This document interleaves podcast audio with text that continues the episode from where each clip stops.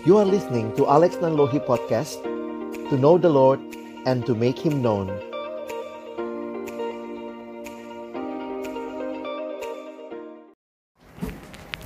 Mari kita membaca, eh, berdoa sebelum kita membaca merenungkan firman Tuhan Bapa di dalam surga, kami bersyukur untuk kesempatan ibadah yang Tuhan berikan. Kami kembali akan membuka firman-Mu. Kami mohon ya Tuhan, bukalah juga hati kami. Jadikanlah hati kami seperti tanah yang baik. Supaya ketika benih firman Tuhan ditaburkan boleh sungguh-sungguh berakar, bertumbuh, dan juga berbuah nyata di dalam kehidupan kami. Berkati baik hambamu yang menyampaikan, dan setiap kami yang mendengarkan, Tuhan tolonglah kami semua agar kami bukan hanya menjadi pendengar-pendengar firman yang setia, tapi mampukan dengan kuasa dari rohmu yang kudus, kami dimampukan menjadi pelaku-pelaku firman-Mu di dalam kehidupan kami. Bersabdalah ya Tuhan kami umatmu sedia mendengarnya dalam satu nama yang kudus, nama yang berkuasa, nama Tuhan kami Yesus Kristus kami menyerahkan pemberitaan firman. Amin. Shalom. Selamat malam Bapak Ibu Saudara yang dikasihi Tuhan. Kalau lihat persekutuan ini boleh terus ada. Saya pikir ini adalah satu anugerah yang luar biasa. Kesetiaan Tuhan juga yang boleh dinikmati.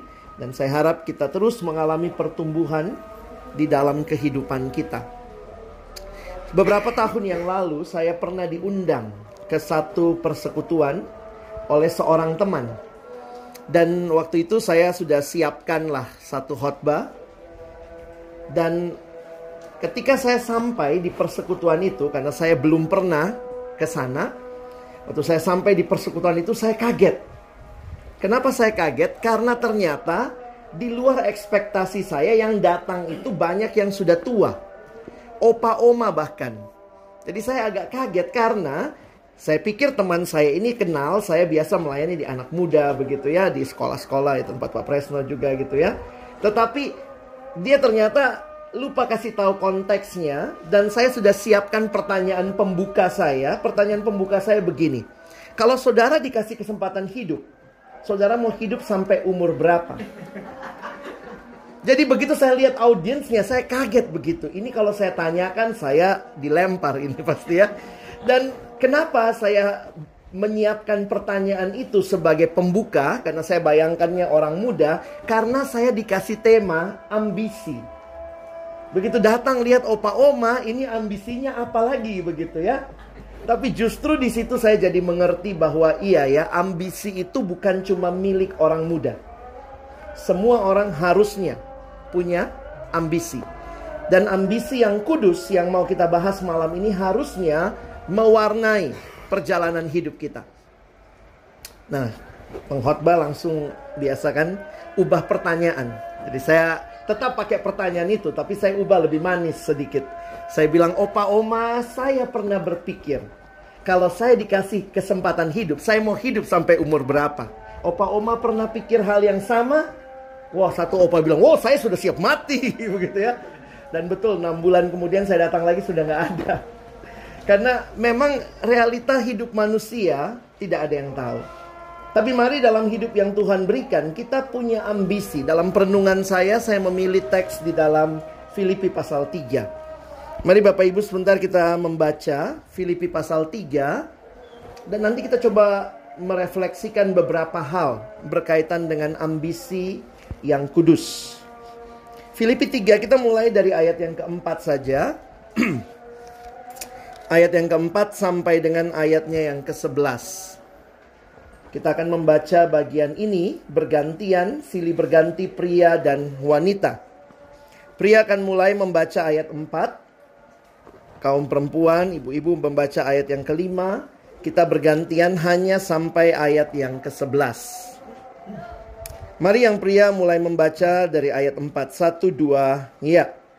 Sekalipun aku juga ada alasan untuk menaruh percaya pada hal-hal lahiriah, jika ada orang lain menyangka dapat menaruh percaya pada hal-hal lahiriah, aku lebih lagi.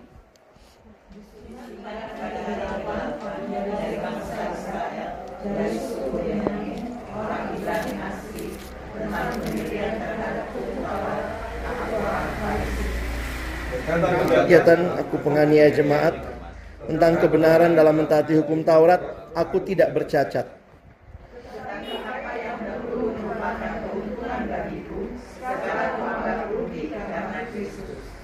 Malahan segala sesuatu kuanggap rugi karena pengenalan akan Kristus Yesus Tuhanku lebih mulia daripada semuanya. Oleh karena dialah aku telah melepaskan semuanya itu dan menganggapnya sampah supaya aku memperoleh Kristus.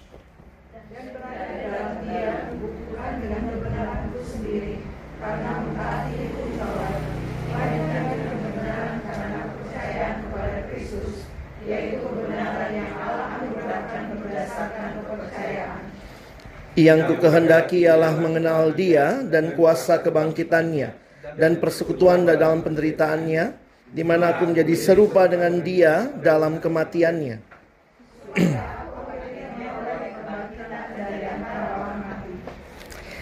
Ya, Bapak Ibu Saudara yang dikasihi Tuhan, saya ingin mengajak kita melihat tentang ambisi yang kudus dari perspektif tulisan Rasul Paulus, firman Tuhan yang kita baca malam ini. Tentu kita kalau bicara ambisi biasanya orang langsung berpikir mau jadi apa, mau punya apa.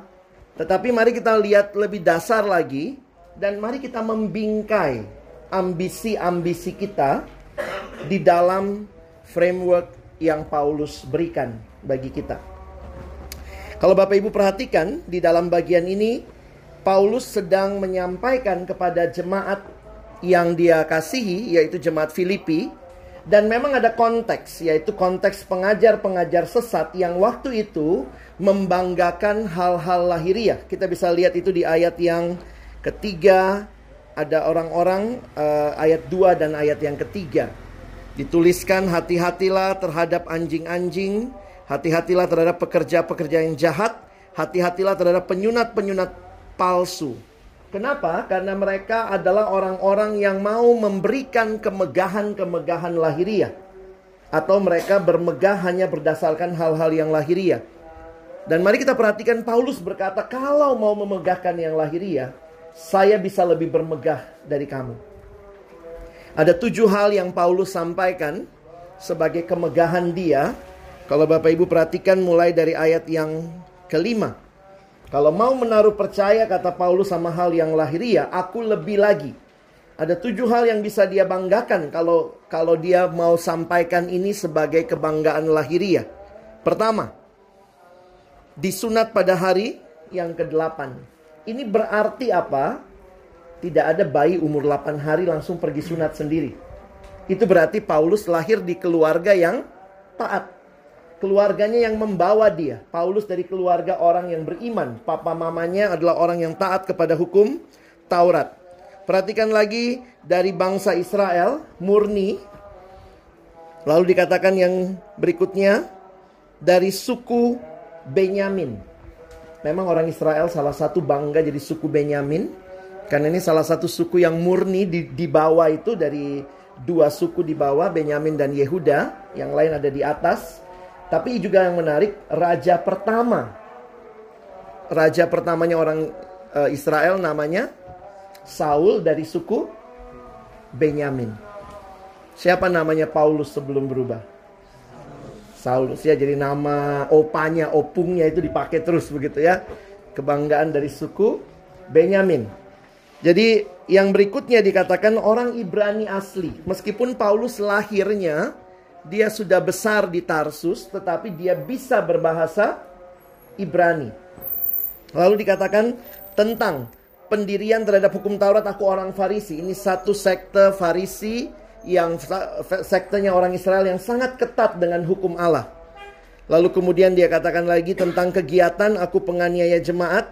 Kita tahu siapa dia sebelumnya tentang kebenaran dalam mentaati hukum Taurat aku tidak bercacat.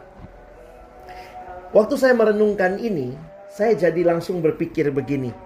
Hati-hati menaruh ambisi atau bukan cuma ambisi, kebanggaan atau menjadikan hal-hal yang lahiriah semata-mata sebagai tujuan hidup kita, ambisi hidup kita. Hal pertama yang saya ingin kita pelajari sama-sama malam ini. bicara tentang ambisi kudus, ambisi kudus itu adalah ambisi yang berasal dari Allah. Bukan ambisi yang berasal dari apa yang kita miliki semata-mata. Tentu Tuhan yang memberikan semua yang kita miliki. Tapi kalau Bapak Ibu perhatikan, turning point di dalam bagian ini, titik baliknya ada sebenarnya di ayat yang ke-8 dan 9.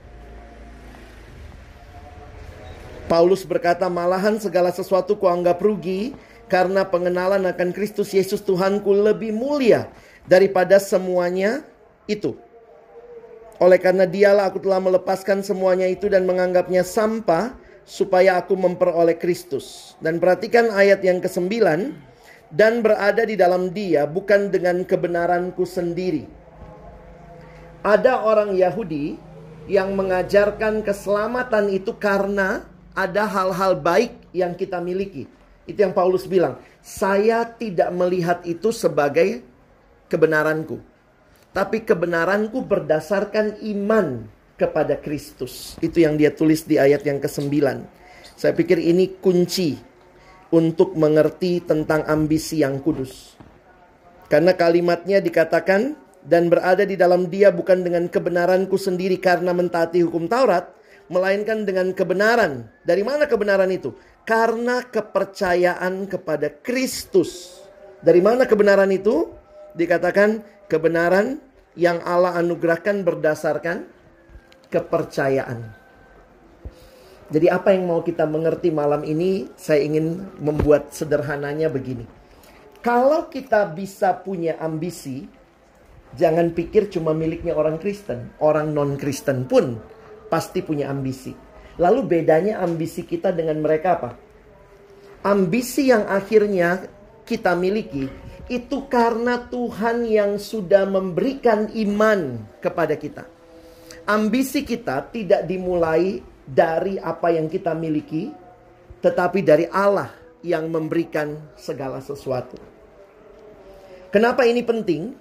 Kita kalau ditanya mana duluan ya dicipta, telur atau ayam? Allah ciptakan telur dulu atau ayam dulu? Kita bilangnya ayam gitu ya.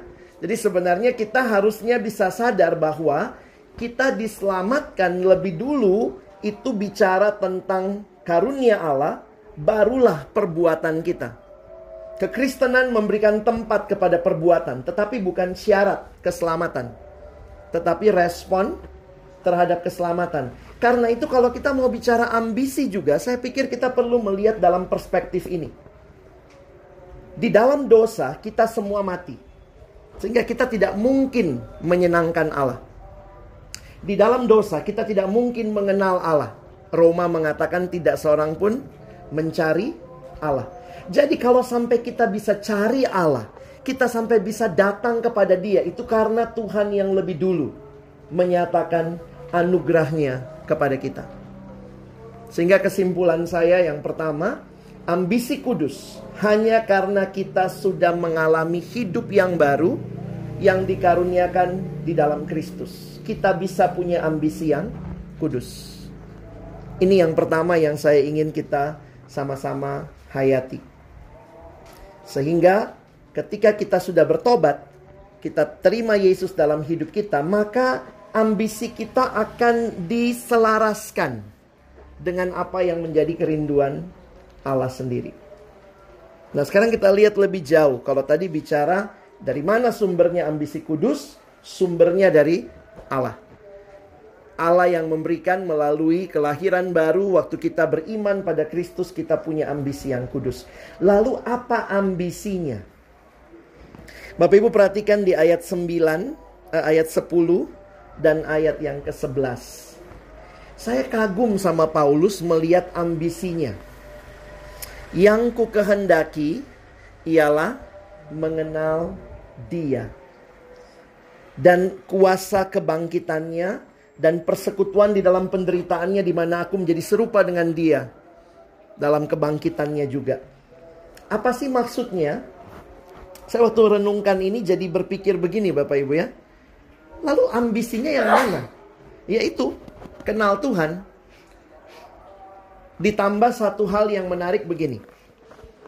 Waktu Paulus tulis kitab Filipi, kira-kira Paulus sudah berapa lama jadi orang Kristen? Ini kalau kita coba telusuri sejarah, Paulus jadi percaya kira-kira tahun 35. Jadi Paulus jadi orang Kristen, dia berjumpa dengan Tuhan dalam perjalanan itu di kisah Rasul pasal 9 itu terjadi kurang lebih tahun 35. Dan waktu Paulus tulis kitab Filipi, para penafsir bilang kira-kira kitab Filipi ini Paulus tulis kira-kira tahun 61 sampai 63. Kira-kira ja, apa durasi apa bukan durasi ya? Waktu penulisannya kira-kira seperti itu. Nah, jadi menarik nih. Kalau kita ambil 63-nya saja. Berarti waktu Paulus tulis kitab Filipi tahun 63, Paulus sudah jadi orang Kristen berapa lama? Kalau dia percayanya tahun 35. Kirang lebih 28 tahun. Waktu saya lagi membayangkan seandainya waktu itu ada Filipi Post, ada koran Filipi Post, lalu kemudian ada wartawan yang datang wawancara, Rasul Paulus, kamu rasul besar, sudah nulis banyak kitab. Pertanyaan saya, setelah 28 tahun, boleh tahu ambisimu apa? Terus Paulus jawab, yang ku kehendaki ialah mengenal dia. Bapak Ibu waktu saya saya sadari ini, saya pikir wow, kalau kalau ini yang ngomong anak remaja baru pulang retret, baru terima Yesus ya. Ya baru masih manis-manisnya hidup. Wih, ini pokoknya pulang dari sini saya mau baca Alkitab, pulang dari sini saya mau lakukan sesuatu buat Tuhan, pulang dari sini saya mau melayani. Ini rasul besar 28 tahun dan jangan lupa, waktu dia tulis kitab Filipi dia lagi dalam penjara. Dan dia cuma bilang apa? Yang ku kehendaki ialah mengenal dia dan bukan pengenalan yang sangat apa ya di wilayah pengetahuan saja. Bapak Ibu perhatikan kata yang dia gunakan sebenarnya di dalam bahasa aslinya kata mengenal itu orang Yahudi eh, ah, sorry orang Yunani itu kata mengenal ada dua macam. Kalau saya kenal hanya sebatas pengetahuan itu juga dibilang kenal. Tapi kalau lebih dalam itu melibatkan pengalaman itu beda. Nah, kata yang dipakai di sini bukan cuma kenal pengetahuan, tetapi sampai kepada pengenalan yang melibatkan pengalaman. Mungkin bahasa Indonesia gampangnya begini. Itu bedanya antara tahu dan kenal. Coba misalnya saya tanya, Bapak Ibu, Presiden Indonesia yang wanita siapa? Tahu ya? Tahu ya? Siapa namanya? Megawati. Bapak Ibu tahu dia? Tahu. Kenal? Enggak. Tahu? Ya, tahu. Kenal? Enggak. Jadi Paulus tidak bicara pengenalan yang sekedar bersifat pengetahuan. Dia bicara pengenalan yang dalam yang melibatkan pengenalan. Yang betul-betul di dalamnya jadi Paulus ini mengalami relasi dengan Tuhan yang terus intim sehingga dia bisa berkata terus yang ku kehendaki ialah mengenal dia, mengenal dia, mengenal dia. Dan pengenalan itu adalah pengenalan yang tanpa batas. Ini belum selesai. Perhatikan ayat 12. Paulus berkata, "Bukan seolah-olah aku telah memperoleh hal ini atau telah sempurna, melainkan aku mengejarnya." Bapak Ibu tadi saya merenungkan begini ya. Kalau kita punya ambisi dan ambisi itu cuma sebatas dapat apa, punya apa, miliki apa, sebenarnya itu ambisi-ambisi yang ada batasnya. Ambisi kudus ini ternyata bicara sesuatu yang sifatnya relasional dan tidak ada batasnya. Kita kenal sampai kapan? Selama-lamanya. Karena itu mari belajar membingkai ambisi-ambisi kita di dalam ambisi kudus ini bagaimana melalui ambisi-ambisi yang kita miliki. Saya harus katakan mungkin kalau tadi uh, dia bicara ambisi, uh, optimisme, mari kita lihat kita semua punya pasti sesuatu yang challenge diri kita, mau lebih maju lagi, mau lebih baik lagi. Tapi mari kita coba belajar membingkainya di dalam perspektif ambisi Paulus ini. Pertanyaannya begini. Dengan semua mimpi kita, apakah kita makin kenal Tuhan? Saya pikir itu yang harusnya menjadi batu ujian. Apakah ambisi kita ambisi yang kudus?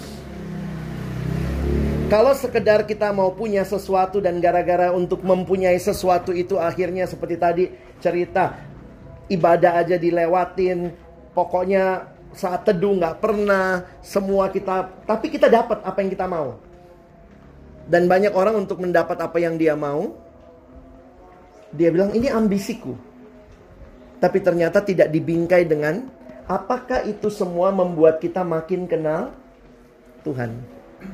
Dan menarik sekali kalau makin kenal Tuhan menjadi ambisi utama kita, maka sampai tua pun kita masih punya ambisi.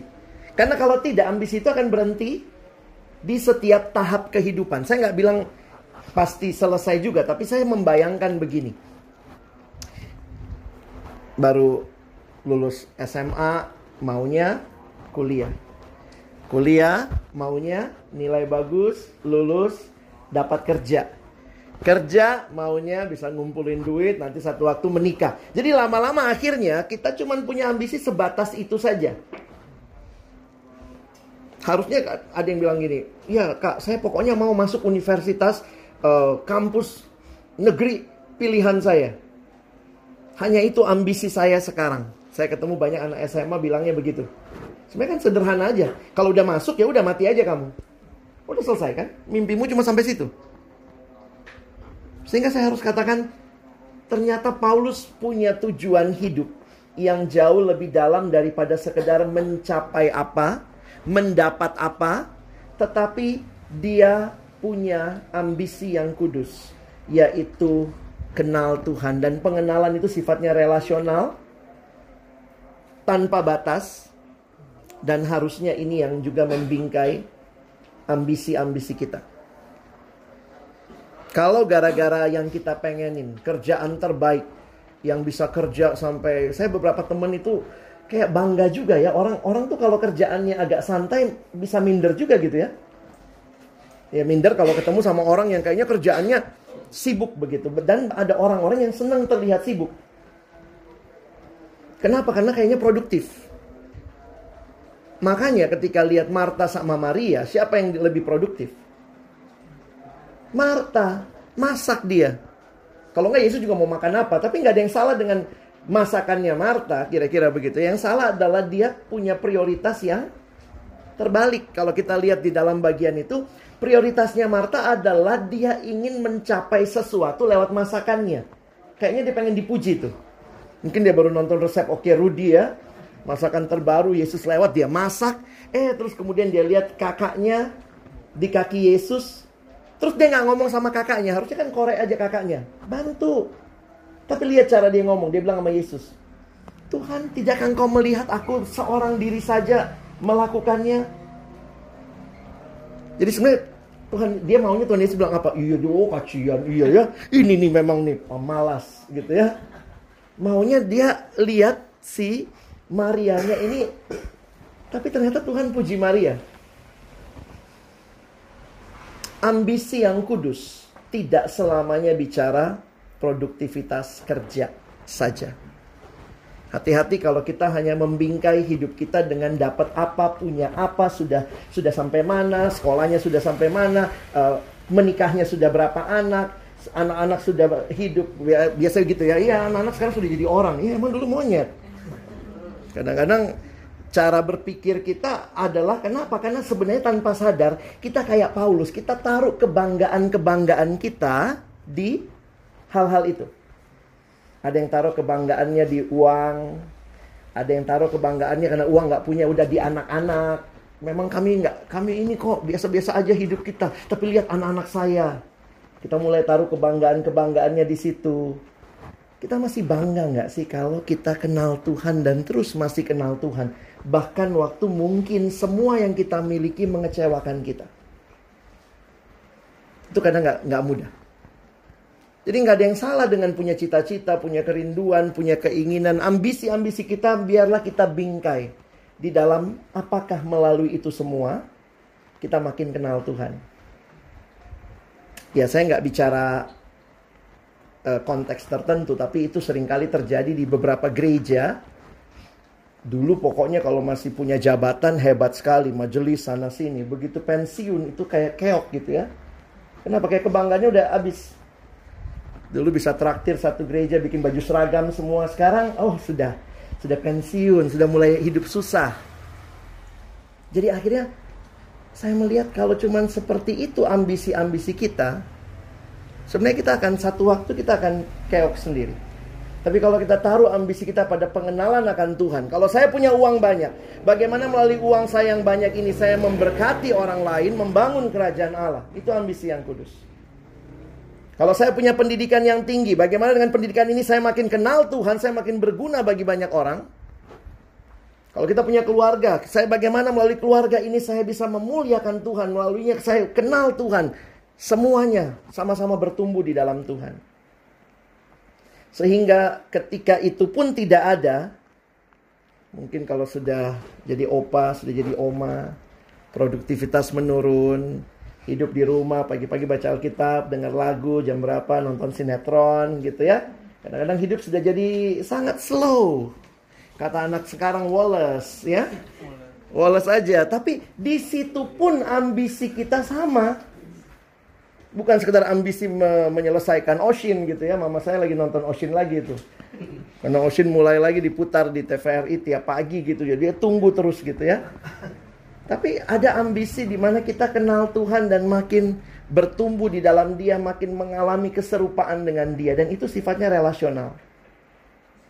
Karena itu saya pikir di tengah-tengah ambisi kita apa pun yang kita lakukan jangan melupakan relasi dengan Tuhan. Karena ambisi Kristen ternyata relasional. Tiap pagi dari Pak Presno dapat kiriman. Kata-katanya singkat gitu ya. Saya pikir saya senang tuh tiap pagi dapat gitu. Iya ya, diingatkan relasi dengan Tuhan itu masalah kesetiaan, terus-menerus, relasional, dan ini bukan sekedar bicara saya punya apa, saya dapat apa, tapi saya betul-betul menikmati kehadiran Tuhan, sehingga meskipun saya punya semuanya, Yesus bilang untuk apa mempunyai seluruh dunia, kamu kehilangan nyawamu. Jadi hari ini saya ingin ingatkan lagi kepada kita sumber ambisi yang kudus dari Allah, dan mari bingkai hidup kita dengan ambisi yang kudus itu yang terus mau kenal Tuhan. Kalau Bapak Ibu terus kenal Tuhan, maka pasti kasih kepada sesama ada di situ. Memberi yang terbaik ada di situ. Uh, tadi cerita keluar dari comfort zone, menantang diri ada di situ. Tapi semua itu kita bingkai dengan baik. Karena kita tahu bahwa tujuan dari semua ini adalah bagaimana saya makin kenal Tuhan. Kerohanian itu bukan nostalgia. Dulu saya waktu masih muda, saya yang paling aktif, tapi itu dulu. Sulewat. Jangan bicara dulu. Sekarang waktu sudah tidak aktif seperti dulu. Masih punya hati yang berkobar-kobar kenal Tuhan? Paulus sampai bilang, yang ku kehendaki adalah mengenal dia. Saya pikir ini rasul besar tapi kerinduan anak kecil. Karena ternyata kita belum pernah mencapai kedewasaan rohani. Kedewasaan rohani itu sebuah proses sampai kapan? Seumur hidup. Jadi kalau kita bilang saya sudah dewasa rohani, kita sedang berhenti bertumbuh itu. Jadi ada satu buku yang saya pernah baca dia bilang begini, apa itu kedewasaan rohani? Orang yang dewasa rohani adalah orang yang senantiasa sadar dia belum pernah dewasa secara rohani. Sehingga dia terus mau belajar dan bertumbuh. Jadi saya tidak tahu untuk Bapak Ibu karena ini usianya beragam. Ada yang sudah mungkin eh, waktu-waktu uh, lebih tenang, ada yang mungkin uh, lagi produktif-produktifnya, lagi jadi pimpinan mungkin di sekolah, di kantor, di pekerjaan, lagi jadi majelis mungkin di gereja. Buat anak-anak kita yang sekarang lagi mulai bangun hidup mereka, karir mereka, Mari kita ingat semua, bingkailah apa yang sedang kita pikirkan dengan ambisi yang kudus. Ambisi di mana mengenal Tuhan jadi tujuan utama. Ada satu lagi yang saya ingat dari pendeta Stephen Tong waktu dia katakan, bagaimana kita boleh melihat apakah yang kita ambisi yang kita punyai itu itu sesuai dengan kehendak Tuhan atau tidak. Dia bilang perhatikan tiga hal. Pertama, apakah itu memuliakan Allah? Yang kedua, itu mengikat nggak dalam dosa? Jangan-jangan ada orang punya ambisi apa, tapi ya itu mengikat orang dalam dosa. Lalu yang ketiga, perhatikan apakah melaluinya kita juga jadi berkat buat orang lain. Karena ternyata ambisi kudus itu tidak melulu tentang hidup kita. Tadi kita nyanyi, jadikan aku mesbah doamu bagi keselamatan bangsaku. Jadi waktu ada anak remaja tanya sama saya, Kak saya bingung mau pilih kuliahnya apa. Saya bilang kamu mau jadi apa dulu? Kan harusnya begitu, mau jadi apa baru kuliah apa kan? Cara berpikirnya harus taruh yang ujungnya dulu. Ya anak sekarang begitu kan selalu ngomong bagaimana kak saya pengennya uh, ya ini generasi yang empang ya maunya enak dan gampang. Kerjanya jangan terlalu susah tapi uangnya banyak. Eh, rampok rampok. Saya bilang sama dia. Karena semua mau pakai prinsip ekonomi, bahkan belajar pun begitu. Gimana caranya belajar sesedikit-sedikitnya nilai setinggi-tingginya? Bahkan itu masuk lagi ke kerohanian. Bagaimana caranya bisa ngerti Alkitab tapi nggak pernah dibuka? Gimana cara? Tuhan juga bingung nolong kita. Jadi dia bilang apa direbus airnya? Ini kayak orang dulu nih. direbus katanya airnya uh, direbus Alkitabnya airnya diminum. Saya bilang kita kita mesti punya usaha tapi jangan lupa waktu semua itu kita sedang lakukan kita membingkainya apakah ini memuliakan Allah Apakah ini mengikat saya dalam dosa? Kalau gara-gara itu kita terus jadi orang yang terikat dalam dosa, bisa dosa kesombongan, bisa dosa keserakahan, makin mau punya orang semua. Kayak anak kecil ya, semua punya dia. Dan yang terakhir, apakah itu menjadi berkat buat orang lain? Jadi saya pikir, uh, saya ketemu satu teman yang saya tanya, kenapa akhirnya pilih pekerjaan ini? Dia dia punya pekerjaan, ada dua tawaran, Lalu kemudian dia cerita yang satu ini kak gajinya lebih besar tapi kerjanya kayak kerja rodi. Lo kenapa nggak ambil yang itu? Kalau saya ambil itu saya nggak bisa ke gereja. Minggu juga hitung masuk kadang-kadang. Kalau lagi tugas keluar kota segala macam bosnya itu ready harus ready on call kapan aja. Dia pernah coba satu bulan soalnya. Terus kenapa kau keluar? Saya lihat kayaknya nggak pas. Saya nggak bisa ibadah. Saya nggak bisa dia dia punya KTB saya nggak pernah akhirnya nggak bisa ikut lagi KTB kelompok tumbuh bersama. Jadi yang sekarang bagaimana? Iya kerjaannya gajinya lebih kecil uh, scope kerjanya mungkin uh, lebih luas dan dia bilang yang sekarang dia lakukan itu lebih menolong orang banyak. Jadi melalui pekerjaan dia itu ternyata lebih banyak orang diberkati. Saya bilang oke okay, uh, itu pilihanmu. Tapi di situ saya melihat dia sudah belajar membingkai bahkan yang dia jalani dengan ambisi yang kudus. Kiranya teladan dari Rasul Paulus ini menjadi teladan buat kita semua untuk Bapak Ibu, eh, saudara-saudara yang tua, yang muda, kita semua bisa tetap punya ambisi dan belum ada kok yang selesai kenal Tuhan ya. Satu-satunya mata pelajaran, mata kuliah yang tidak pernah selesai SKS-nya itu mata kuliah mengenal Tuhan. Itu wisudanya di sana. Ya. Tapi selama kita hidup kita sedang terus mengenal Tuhan. Kiranya Tuhan menolong kita menjadi orang-orang yang punya misi yang kudus. Mari kita berdoa. Bapa di dalam surga, terima kasih banyak untuk firman-Mu malam ini. Terima kasih karena Tuhan Engkau Allah yang memberikan kepada kami kemampuan, Engkau yang memberikan kepada kami kecerdasan, keterampilan. Tapi Tuhan Engkau juga yang mengingatkan kami dengan semua yang Tuhan berikan. Kami seharusnya membingkainya di dalam perspektif kemuliaan Tuhan, perspektif pengenalan yang lebih dalam akan Tuhan Jangan biarkan kami menjadi orang-orang yang memegahkan hal-hal yang lahiriah saja.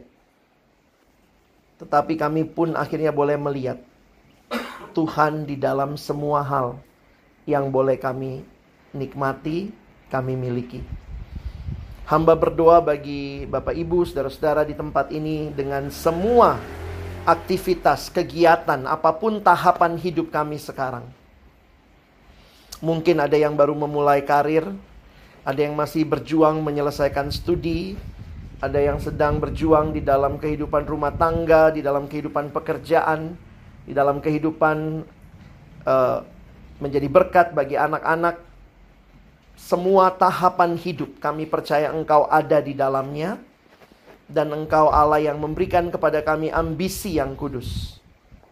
Yang terus-menerus berpikir bagaimana melalui semua ini Tuhan dimuliakan. Hidup kami boleh menjadi berkat juga bagi orang lain.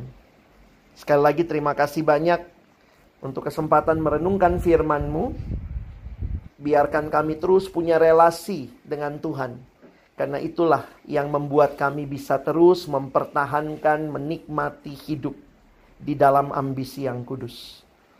Kalau ada di antara kami yang sedang suam, sedang mundur dari Tuhan, sedang cuek dengan Tuhan, sedang kecewa dengan Tuhan.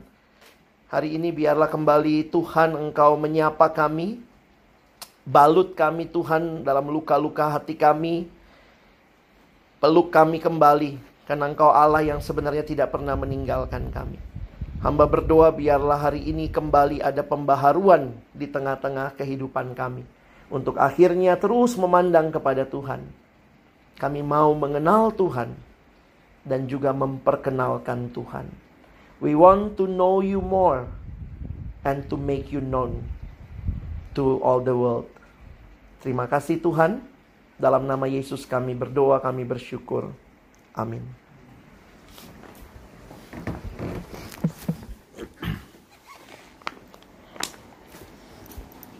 Kita sudah mendengar firman Tuhan uh, mengenai ambisi kudus yang sangat mengajarkan kita bagaimana kita memiliki ambisi lebih